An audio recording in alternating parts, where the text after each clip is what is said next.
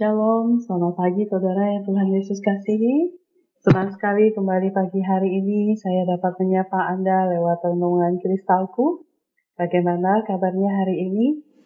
Doa saya semoga semua kita sehat-sehat dan saat ini bersama-sama kita rindu Tuhan menyapa kita lewat firman-Nya dan kita mohon pimpinan dan pertolongan Tuhan di dalamnya.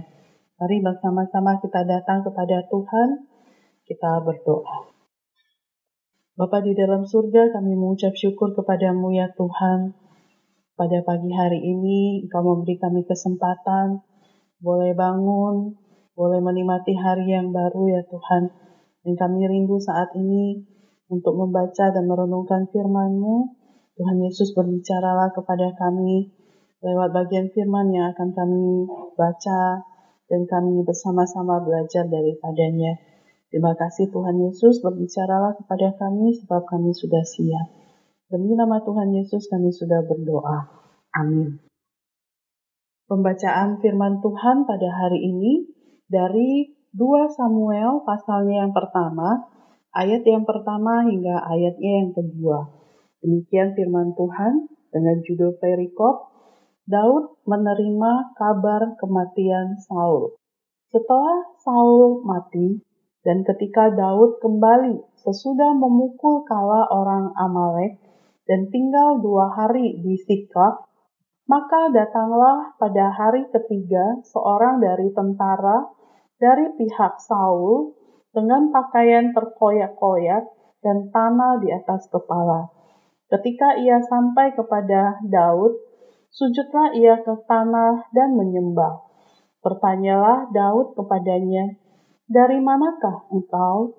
Jawabnya kepadanya, Aku lolos dari tentara Israel. Bertanyalah pula Daud kepadanya, Apakah yang terjadi? Coba ceritakan kepadaku. Jawabnya, Rakyat telah melarikan diri dari pertempuran. Bukan saja banyak dari rakyat yang gugur dan mati, tetapi Saul dan Yonatan anaknya juga sudah mati. Lalu Daud berkata kepada orang muda yang membawa kabar kepadanya itu, Bagaimana kau ketahui bahwa Saul dan Yonatan anaknya sudah mati? Orang muda yang membawa kabar kepadanya itu berkata, Kebetulan aku ada di pegunungan Gilboa.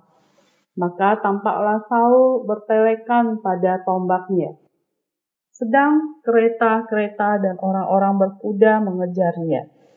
Ketika menoleh ke belakang, ia melihat aku, lalu memanggil aku, dan aku berkata, "Ya tuanku." Ia bertanya kepadaku, "Siapakah engkau?"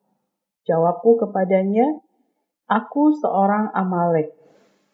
Lalu katanya kepadaku, "Datanglah kemari dan bunuhlah aku." Sebab kekejangan telah menyerang aku, tetapi aku masih bernyawa. Aku datang ke dekatnya dan membunuh dia, sebab aku tahu ia tidak dapat hidup terus setelah jatuh. Aku mengambil jejamang yang ada di kepalanya dan gelang yang ada pada lengannya. Dan inilah dia kubawa kepada tuanku.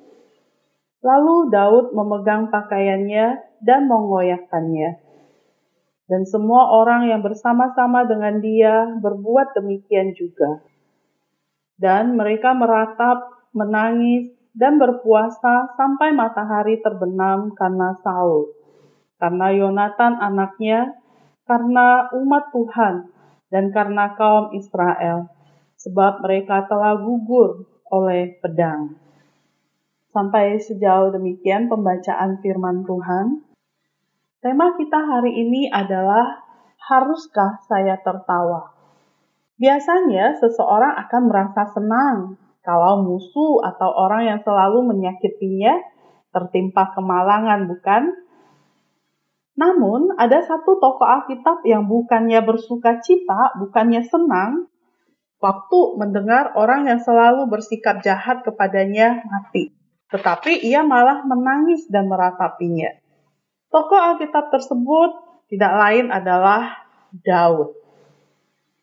Seorang tentara Saul dengan pakaian terkoya dan tanah di atas kepalanya datang kepada Daud. Tentara itu menyampaikan kabar bahwa Saul dan Yonatan anaknya sudah mati. Begitu mendengar kabar tersebut, Daud lalu mengoyahkan pakaiannya, meratap, serta menangisi kematian mereka. Wajar bagi Daud untuk meratapi Yonatan, karena Yonatan itu adalah sahabatnya. Tetapi meratap bagi Saul tampak seperti suatu hal yang ganjil, bukan? Bagaimana mungkin Daud bersedih untuk seseorang yang selalu mengejar dan ingin membunuhnya? Karena takut posisinya sebagai raja diambil oleh Daud. Namun kita lihat bahwa Daud tidak membalas kepada Saul setimpal dengan kejahatannya. Daud bahkan menyebut Saul sebagai orang yang diurapi Tuhan. Tindakan Daud memberikan teladan tentang kasih dan pengampunan. Seperti Daud, kita tidak perlu memikirkan bagaimana cara membalas dendam. Mengapa? Sebab kita memiliki Allah sebagai pembela kita yang akan menyatakan keadilannya tepat pada waktunya. Bagian kita hanyalah belajar menaati perintah Tuhan Yesus, yaitu mengasihi musuh kita dan berdoa bagi mereka yang menganiaya kita. Saudara ingatlah, kita harus menunjukkan kepada dunia bahwa kasih dan pengampunan bekerja lebih kuat daripada kebencian dan dendam. Kiranya Tuhan Yesus menolong kita untuk boleh menjadi pelaku firman-Nya. Mari kita berdoa. Bapa di dalam surga, kami bersyukur firman-Mu pagi hari ini kembali menasihati kami, menegur kami, dan menunjukkan jalan bagi kami apa yang harus kami lakukan. Tuhan, melalui teladan Daud pada hari ini kami belajar ya Tuhan, kiranya Engkau menolong kami untuk tidak menyimpan kebencian, dan dendam di dalam diri kami dan juga mau membalas kepada orang-orang yang mungkin sudah menyakiti hati kami. Kami berdoa ya Tuhan, kiranya Engkau menjadikan setiap kami sebagai agen-agenmu ya Tuhan, yang boleh hadir di tengah-tengah dunia ini membawa kasih dan pengampunan Tuhan, yang orang-orang boleh saksikan lewat kehidupan kami ya Tuhan. Kami mau terus belajar Tuhan mengasihi musuh-musuh kami dan berdoa bagi mereka yang akan mungkin telah menganiaya kami. Tuhan tolong berkati setiap kami untuk dapat melakukan firman-Mu di tengah-tengah segala pergumulan kami. Terima kasih Tuhan Yesus. Kami serahkan sepanjang hari ini Tuhan pimpin dan sertai anak-anak dalam proses belajar. Tuhan menopang, menyertai untuk Bapak Ibu guru, karuniakan kesehatan, karuniakan hikmat. Kami juga doakan orang tua dalam usaha kerja mereka. Kiranya anugerah Tuhan menyertai dan memampukan mereka untuk melakukan yang terbaik bagi kemuliaan nama Tuhan. Terima kasih Tuhan Yesus. Kami serahkan panjang hari ini Tuhan yang pimpin dan sertai.